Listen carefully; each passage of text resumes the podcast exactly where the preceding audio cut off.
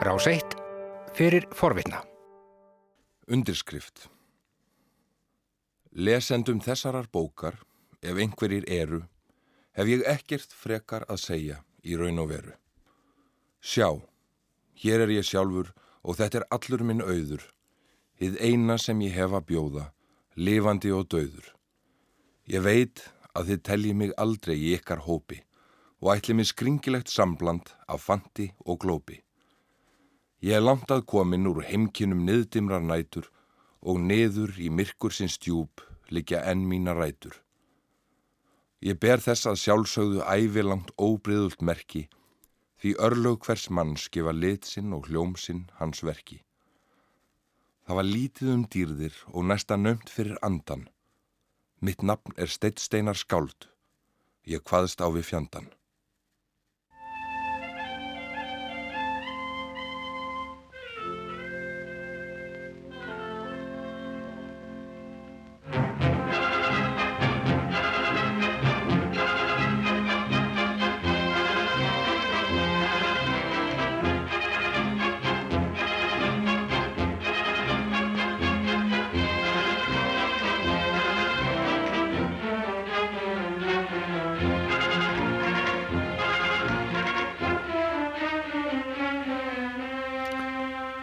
Svona hljóða niðurlag fjörðu ljóðabókar Stein Steinars, ferðan fyrirheits sem kom út árið 1942.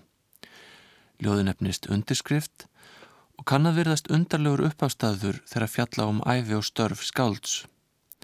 Í ljóðun er sem ljóðmælandin stýi fram fyrir lesendur sína og ávarpi þá beint og sendi þau skilaboð að í ljóðunu sjálfu sé að finna allt það sem áli skiptir.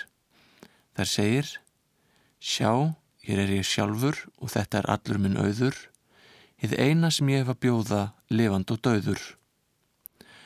Í ferðan fyrirheits er að finna fleiri dæmi sem tólkam á sem svo að ljóðin eigi að standa fyrir sínu. Í fyrsta ljóði bókarinnar Tilengun eru þessi loka orð og ég var aðeins til í mínu ljóði. Ferðan fyrirheits er að þessu leiti innhverf bók en þá er aðeins half sagan sögð. Því ljóða eins og undirskrift gengst ljóðmjölandin líka fúslefi því að ljóðin sjö viðbrað við veruleikanum. Þar er þetta orðað með eftirfæranda hætti Örlug hvers manns gefa litsinn og hljómsinn hans verki. Oft er talað um þverstæður í ljóðum steins en svo þarf ekki að vera í þessu tilviki. Ljóðmælandin leggur á það áherslu að ljóðin séu dýrmætustu ávextir reynslu hans af heiminum. En það er ekki þar með sagt að lesendur verða að þekkja örlug skáldsins og reynslu út í istu æsar til að geta glöggva sig á efnið þeirra. Marti ljóðum steins fær þó annan lit og hljóm þegar aldarandin og örlug hans sjálfs eru höfð til hliðsjónar. Um Stein Steinar eða aðalstein Kristmundsson eins og hann hétt réttunafni hefur mikið verið ritað. Seifur Staðarsson setti til að mynda saman bókina Maðurinn og skáldið Steit Steinar árið 1987 og Gilvi Gröndal skrifaði æfisú í tveimur bindum. Það fyrra kom út 2000 og það síðara árið 2001. Gilvi miðlar í bókum sínum fróðleikur flestum þekktum heimildum um skáldið en hann drefur líka ný og áður óþægt göggfarm í dagsljósið, auk þess sem hann hafðum ára byl rætt við samferðamenn Steinars um æfi hans og störf. Bækur Kilva Gröndal heita einfallega Steit Steinar, en undirtitillinn er leit að æfi skálds. Það má spyrja sig að hverju við leitum þegar æfi skálds er annars vegar. Hvað vonust við til að finna og hvers vegna? Í þessum fyrsta þætti verður reynd að grafast fyrir um það hvernig niðursetningurinn aðasteinn Kristmundsson var eitt af höfuskáldum Íslandinga á 20. stöld. Í þættinum hlýðum við á nokkur ljóð eftir Stein Steinar, einnig brotur viðtölum sem varfitt eru við hann á prenti og vittnisspurði samferðmann hans. Það er ekki að ástæðuleysu sem Steit Steinar líkur bókinni ferðan fyrrheits með hvæðinu undirskrift. Því það er sem hann vilji leggja á það áherslu að hann vilji kannast við hann skálskap. Það var ekki að fara á milli mála að það var Steit Steinar sem orti. Þetta ljóð er því að til ekki vittlaus uppástaður þegar uppi staðið. Því það gefur góða hugmyndum það hvernig ljóð hins fullorna steins steinar hljóma. Þetta ágæta ljóð er því einhverslags fyrirheit ferðar okkar og nú leggjum við í hann.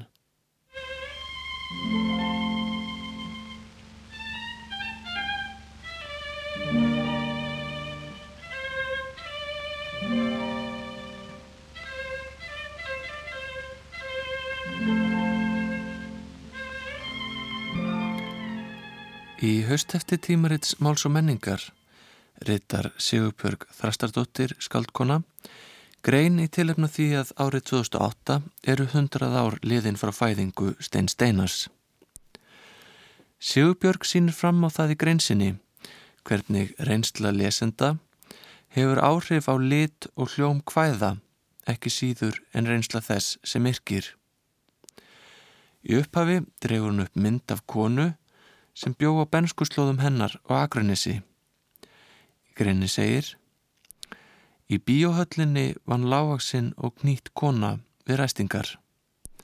Hún sótti vatnið í fötum ofan í dimman kjallara og pyrílaði hænsnastegan oft á dag með kústin og vatnið. Hún skúraði höllina einsins liðs. Þetta er 370 manna salur og andiri fyrir aðra hundrað popp og kók, súkulæðbref, mold og tíndar derhúfur. Hún ræsti húsið í meir en 30 ár. Hún var kölluð valla í bænum og hún var sýstir hans steins steinars.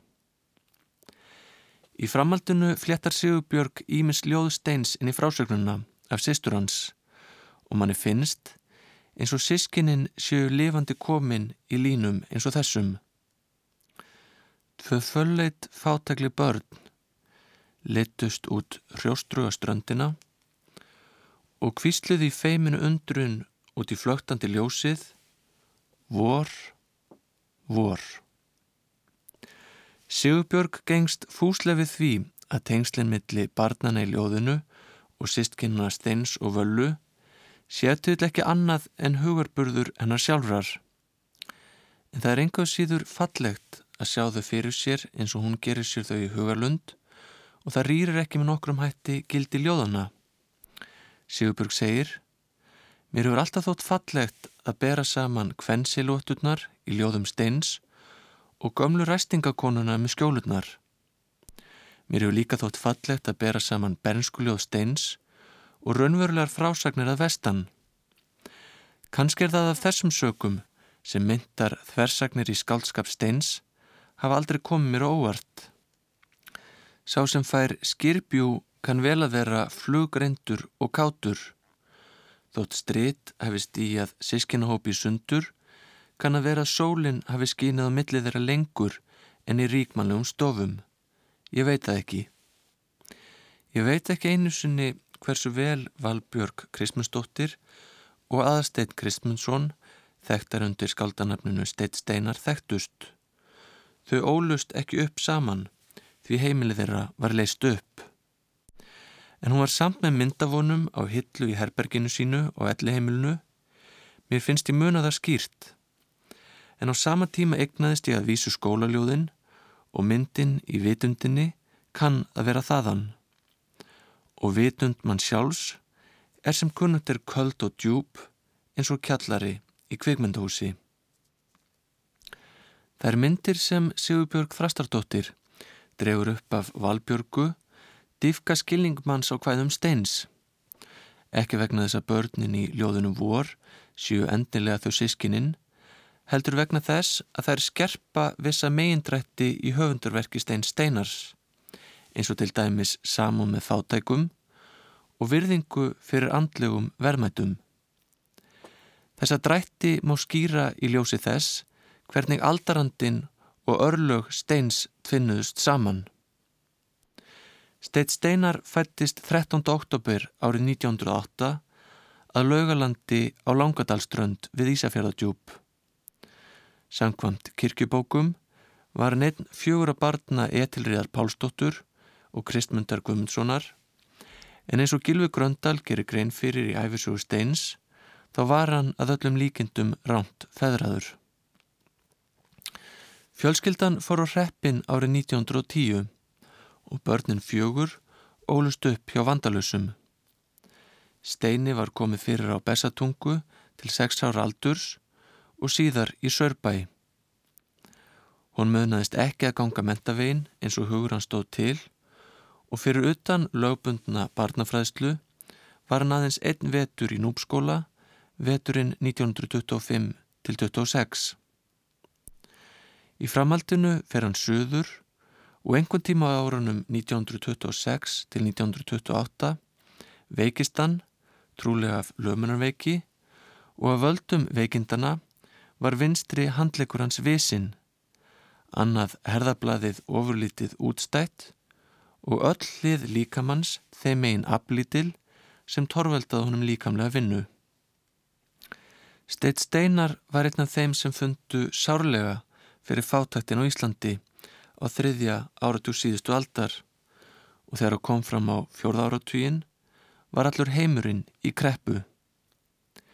Steit Steinar kom fram á sjónasviðið með sína fyrstu bók árið 1934. Hún nefndist Rauður login brann og þetta engum að diljast að höfundurinn er gallharður sósialisti og byltingarskáld. Maður þarf ekki að kafa djúft í vitund sína að minnst á kosti ekki eins djúft og í myrkan kjallara kvikmyndahús til að sjá hvers vegna fólk hvarvetna í heiminum speiklaði sjálft sig í naflausa flækingnum sem Charlie Chaplin tólkaði í kvikmyndum. Um hans aðeins Haldur Lagsnes til dæmis í grein um bandariska kvikmyndir í alþjóðbókinni 1929. Mr. Charles Chaplin er eini höfundurinn í ameríska kvikmyndaheiminum sem byggir verk sín á levandi þáttöku í kjörum afhraksins og ást á málstað lítilmagnans en ekki á hatri á bölvuðum skrilnum. Gegnum öllin þroskaðri verkans gengur hinn sami rauði þráður, það sem kallað er á latínu samlíðun. Í brosi Charles Chaplins og gungulegi byrtist ljóslifandi allur harmleikur hins útskúfaða frá upphafi veraldar. Þar hefur einn trega fulla lífskend en einu sinni eignast meistara í miðli sínum.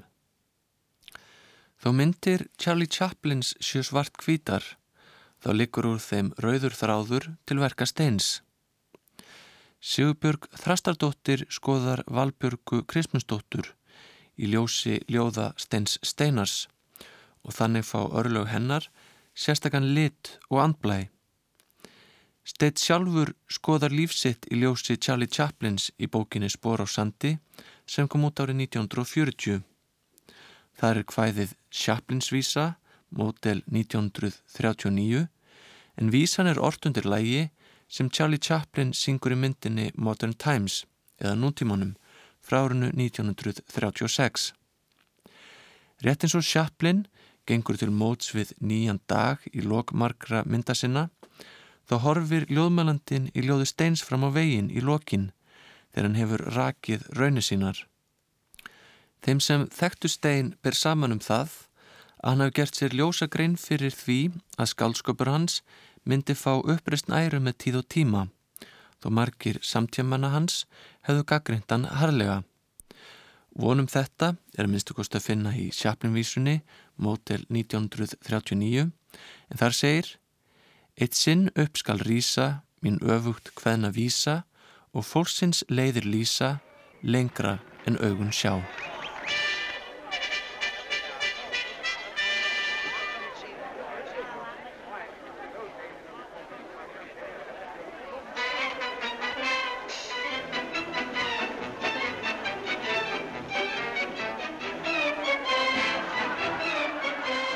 Víst er ég vesall piltur, af vondum heimisbiltur og þangin fleiti fylltur af flestri sorg og neyð. Um þessar götur gekk ég og greiða lítinn fjekk ég, af suldei saman hjekk ég og svon er margra leið. En eins og sögur sanna er sæmt sem flestað kanna, ég flæktist meðal manna og margt ég heyrð og sá. Ég gisti karl í koti, ég kynntist frægu sloti og mörgu skúma skoti sem ég skýr ein einum frá. Svo hvað ég fá einn hvæði af krafti og hagleik bæði um alltið blinda æði sem elur jarðlíf vort. En ei var allt með feldu, þótt eitthvað gott þeir teldu, þeir held þess stolna heldu, en hitt var vittlust ort. Og einn ég stóð sem áður, svo auðnu laus og smáður, af öllum þrautum þjáður í þessum stóra bæ. Mín afls gegn allra mætti, svo undur lítil skætti, var furða þótt mér þætti, sem því væri hend á glæ. Svo loks það lengi mann ég, Littla stúlku fann ég sem blað í eldi brann ég og beiska reynslu hlaut. Það er margt sem maður kannar og margt sem auðnan bannar og það var einnig annar sem ilsins hennar nöyt. Þó sæmir sístað gráta, nýja sirkja fram úr máta, þótt einhver telpu táta, sé tveimur mönnum góð og upp skal hugan herða og hugsa á ný til ferða hvers virði sem þau verða þín vittlust hveðnu ljóð. Þótt lágur sé lífsmíns hagur og langt sé runnin dagur og stásn ég stoltar bragur ei stafi honum frá. Eitt sinn upp skal rýsa, mín öfugt hveðna vísa og fólksins leiðir lýsa lengren augun sjá.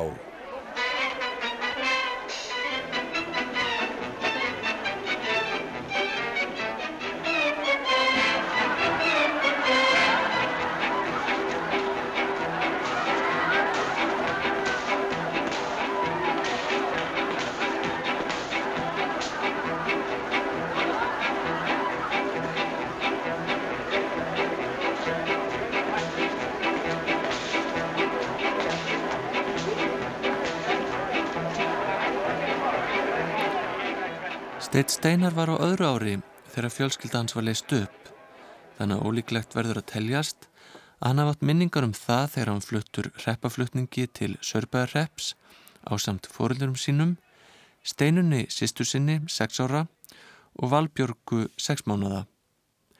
Eldri bróður Steins Hjörtur varð eftir á lögalandi og fundum þeirra bara ekki saman aftur fyrir en þeir voru orðnir fullornir menn.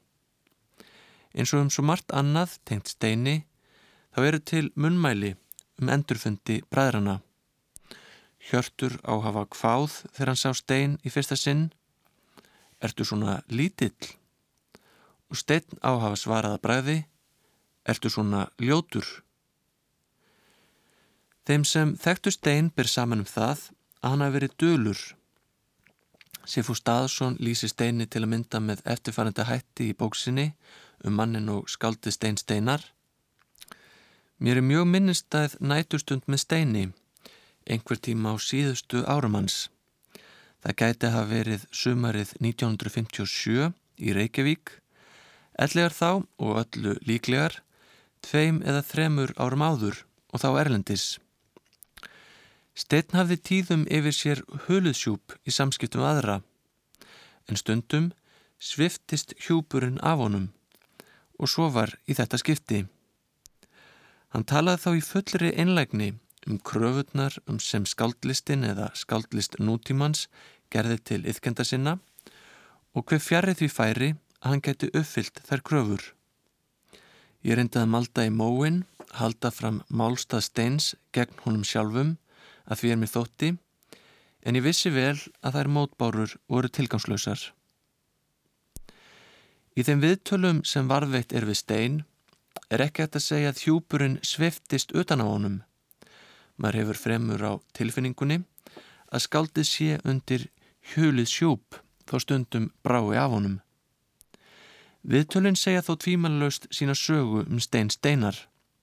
Þau bregða upp mynd af manni með snarpan húmor og þau eru hvað sem kröfum samtímansum einlegni, bersögli og sannsögli líður ákaflega skemmtileg aflestrar. Við skulum gera okkur í hugalund að við hefum fund við skáldið Stein Steinar.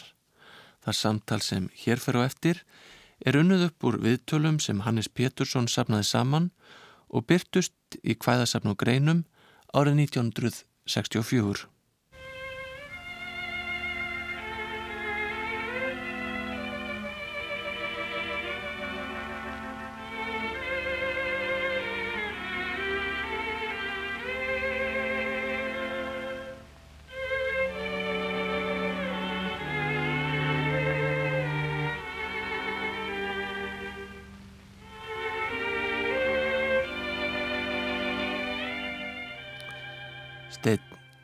mætti byggðum að segja mér frá ættinni og uppruna eins og sættir.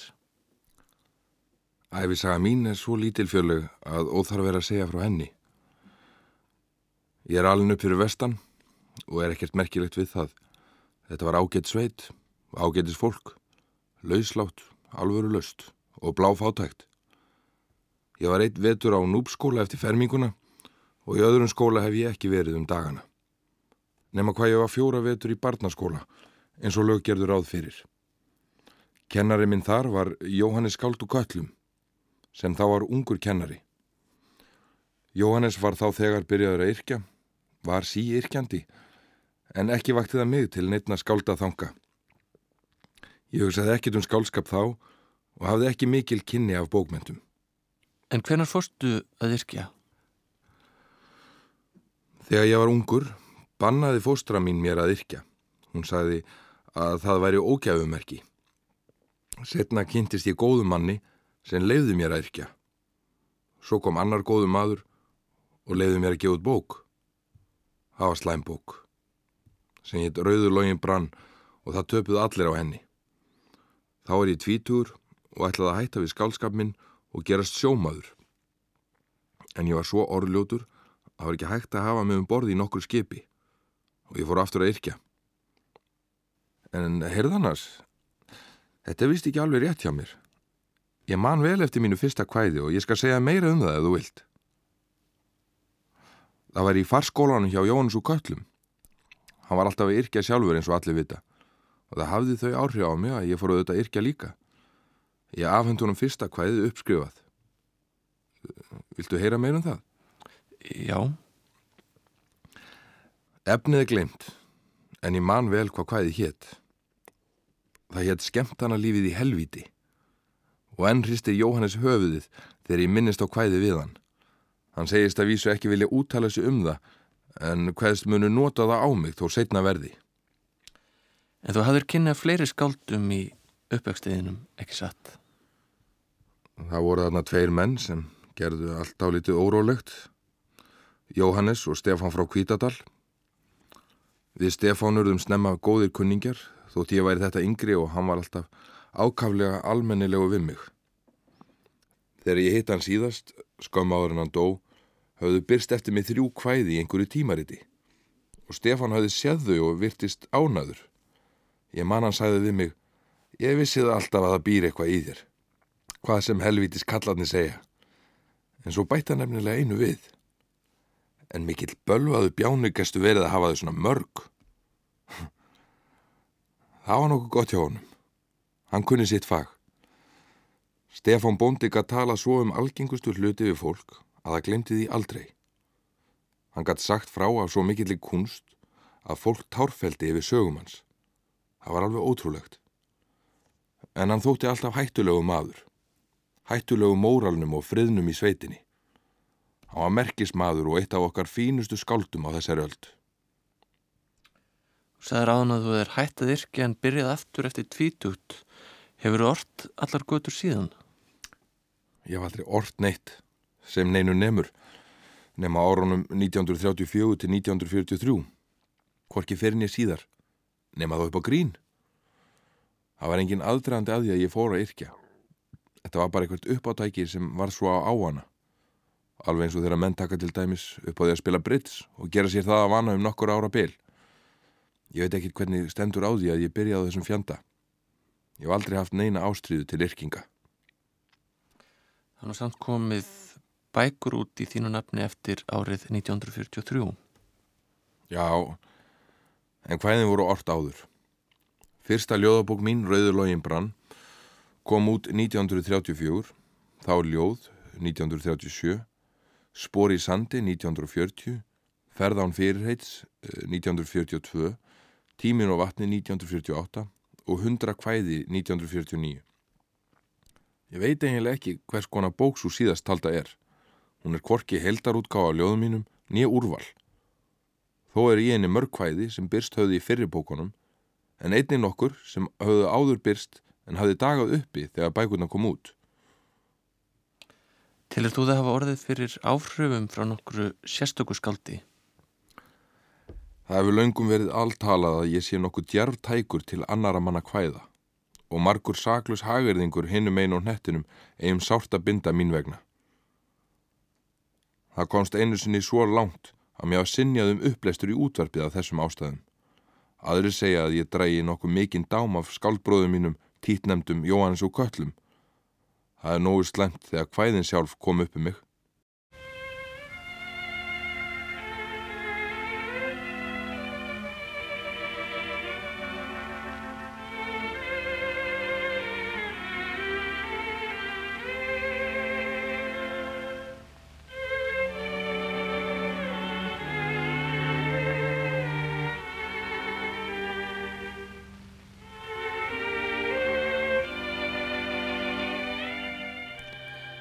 Eftir döðastein Steinarstann 25. mæ 1958 skrifaði Jóhannes úr köllum minningarorð um þennan fyrrum nefnda sinn og þar er brúðuð upp ótrúlega faguri mynd bæð af skaldinu Steini Steinar en líka unglingum aðasteini Kristmundsinni. Fólkið á bænum, það fólk sem stóðunum næst í Miklagarði, það far líka rúm á sviðinu Í greininni segir Fóstran Kristín var völva heimilisins, trölltrygg fordkona. Annars var þarna bergmál í mannanöfnum, hjónin héttu Steinun og Steingrimur og sjálfur hétt pilturinn Aðalsteinn. Þegar hann síðar á æfi lagði í ljóðvikingu þótt honum vissar að herða enn hljóminn og þannig kom Steinn Steinar til sögunar. Og Jóhannes heldur áfram Hann var nær fermingaraldri þegar ég kom kennari á þennan ágæta bæ og gerist lærifæður hans. Hann var nýja árum yngri en ég, bjartur mjög yfirlitum, hárið glóandi sem silki. Nokkus andós kendi í svipnum meðan hann var að þreyfa fyrir sér um tilvörurök þessa ókunna manns, stundum skutust grágletnir demonar um augu og nef. En strax að kvöldi fyrsta dags vorum við orðnir mátar. Hann var smárvexti og ekki fallin til líkamlegra stórræða. En því meiri virtist andlegur þroski hans. Því enda þótt hann bæri ekki nema hæfilega virðingu fyrir barnaskóla stakli og bókakostur væri annars af skornum skamti, var skinnjunans undarlega fersk og forvitin. Maður gætt strax tala við hann um alla heima og geima Það var eins og hann hefði veraldar registrerið einhvern veginn á tilfinningunni. Jónas úr köllum lætur þess getið að stein hafi skort bragira og því að hann ekki haft mikla trú á að hann væri efni í skáld. En hins vegar viss ég strax að hann myndi verða bæði mikill og skrítin spekingur, segir Jóhannes. Hann minnist þess ennfremur að Steinn hafi sendt sér kvæði eftir að hann kvarf úr sveitinni. Hann segir að kvæðið hafi heitað inn fordæmdi og bætir við Það var ekki björgulegt. Einhver óskiljanlegur bölmóður, snar vittlust rímaður. Ég bað Guð að hjálpa okkur báðum. Titill kvæðinsins gefur til kynna að aðastinni Kristundsinni hafi ekki síður verið umhugað um utakarsmenn en Steini Steinar var síðar. Og Sjaplinvísan, mótel 1939, vitnar um að sínu leiti. Hvæðið hinn fordæmdi er ekki varðveitt svo vita sé, en öðru máli gegnir um fyrstu vísutnar sem byrtust undir skaldanafninu Steitt Steinar, fjögur ljóð byrtust í öðru og þriði hefti lögréttu árið 1932. Tvö þessara kvæða yfir djúpin dagur skín og sínir tók steitn upp í fyrstu ljóðabók sína Rauðurlógin brann en ljóðin gamalt lag og ljóð skildi hann út undan. Í öllum ljóðunum má greina áhrif eldriskálda og má í því sambandi nefna Davíð Stefánsson, Jóhann Sigurjónsson og Jóhann Jónsson en líka Jóhannes úr Köllum og Stefán frá Kvítadal. Öll hafa þessi skált verið tengt við nýromantík í íslenskum bókmyndum en sameinlegt enginni á skáldskap þeirra allra er áhrif frá þjóðvísum sem gerir brað þeirra léttan og syngjandi þó oft sé stutt í deburð og þáþrá eftir liðnum tíma. Það verður ekki annarsagt en heitið gamalt lag hæfi þessu ljóði ákaflega vel. Gamalt lag Ég sé þig enn, er sól úr ægi rís og sveitin fyllist endur nærðu lífi. Þú varst og ert mín hjartans heilla dís, þó heimur kaldur brjóst mitt sundur rífi.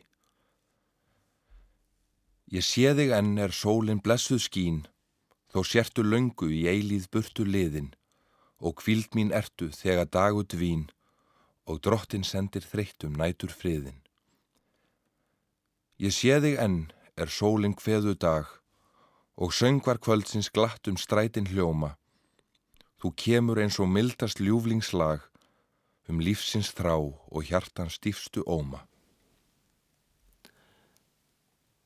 Þegar Steitt Steinar setti saman bókina Rauðurlógin brann árið 1934 þá hefur hún vafalítið fundist þessi hvæði dragur þeim bildingar anda sem enginn er bókina að öðru leiti.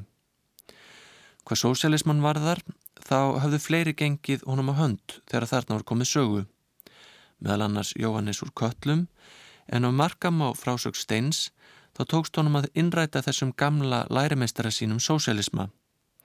Á 50 samali Jóhannesar, 4. november 1949, rifja steitn upp fyrstu kynniðira og þar er grallaraskapurinn öllu meiri enn í hugljúfum minningarörðum Jóhannesar. Steitt skrifar Þegar ég var barnaðaldri var hann til þess fengin að tróðinni mig einhvers konar undirstöðu atriðum mentunarinnar. Það gekk ekki mjög vel og varð okkur báðum til sarra leiðinda. En þá voru að öðru leiti skemmtilegir tímar í dölum vestur og skemmtilegt fólk sem livði lífið sín í laungum, söngrænum draumi, slungnum ástsjúkri dölúð, indislegu framjáhaldi og margskonar geðþekri vitlausu. Lungu setna gæti ég hemmt mín lítilsáttar með því að pína inn á hann ögnaf kommunisma sem mér hafði einhver staðar áskotnast fyrir lítið. Í lokaerendi hvæðisins ljóð sem byrtist í lögréttu árið 1932 er sem steitt sé enn á valdi þess söngræna dröms og ástsjúku dölúðar sem einkendi eftir fremur skáldskapum sveitir landsins en sveitirnar í raun og veru. Lokaðurindið hljóðar svo. Og eigði mörg ég flý í faðum þinn enn. Það friðar sál og græðir undir mínar. Ég hveð þig borg og þína miklu menn Því máttu fjöll mér rétta hendur sínar. Það kemur mann á óvart að steitt steinar hafi nokkur tíma orrt með þessum hætti Því fáir hafa sett svip sinn á Reykjavík með eins ljóslegum hætti og hann nefnir vera skildi Tómas Guðmundsson. Þegar Jónas úr Köllum dregur upp mynd af steini sem fullordumanni í minningagreininni þá er nánast sem ímynd mannsins og borgarinnar renni saman í eitt. Þegar lýsing Jóhannesar er lesin þá er sem flækingur sjaplins komi aftur upp í hugan. En þótt skáldið væri magnað, skrifar hann. Það var maðurinn, personleikin síst áhrifa minni. Árum saman var hann eins konar Sókrates á strætum og gatnamótum höfustæðurins og síðan yfir bóhem gildiskálana þegar batnaði ári. Engin átti fleiri málkunningja en þessi mikli einstæðingur. Alþýðlegt viðmót og óvinnu sling og hárbeitt samtalskáa staðfestu svo sem verða mátti vald skálskaparans. Ég get hugsað að ýmsumkunni öræfi götunar nokkuð grá og hljóð, nú þegar að röttin er þögnuð. Það er sem þessi síðustu orð endurómi í ljóðunu frá árinu 1932 sem ber einfallega heitið ljóð og kannski vissi Jóhannes úr köllum sem var að steitt steinar myndi aldrei yfirgefa borgina Reykjavík fyrir hann væri allur, hann myndi aldrei aftur halda vestur í dali. Ljóð Skuggarnir læðast hægt um hæð og dal, nú hjúpast fjöllin blári rökkur móðu. Ó, gæti ég horfið fram í fjallasal, þar fynd ég ró í aftanskinni hljóðu. Ég gisti áður glömsins skreittu borg og glemdi mínum fögru æsku vonum, þögula auðn með holt og hamraborg, þér helsar einn af þínum tindu svonum. Ég átti forðum indi best hjá þér og óskir hjartans barstu í skauti þínu, en svikull heimur sjónir vildi mér, ég sé það nú í spiltu hjarta mínu. Og eigði mörg, ég flý í faðn þinn enn, það friðar sál og græður undir mínar.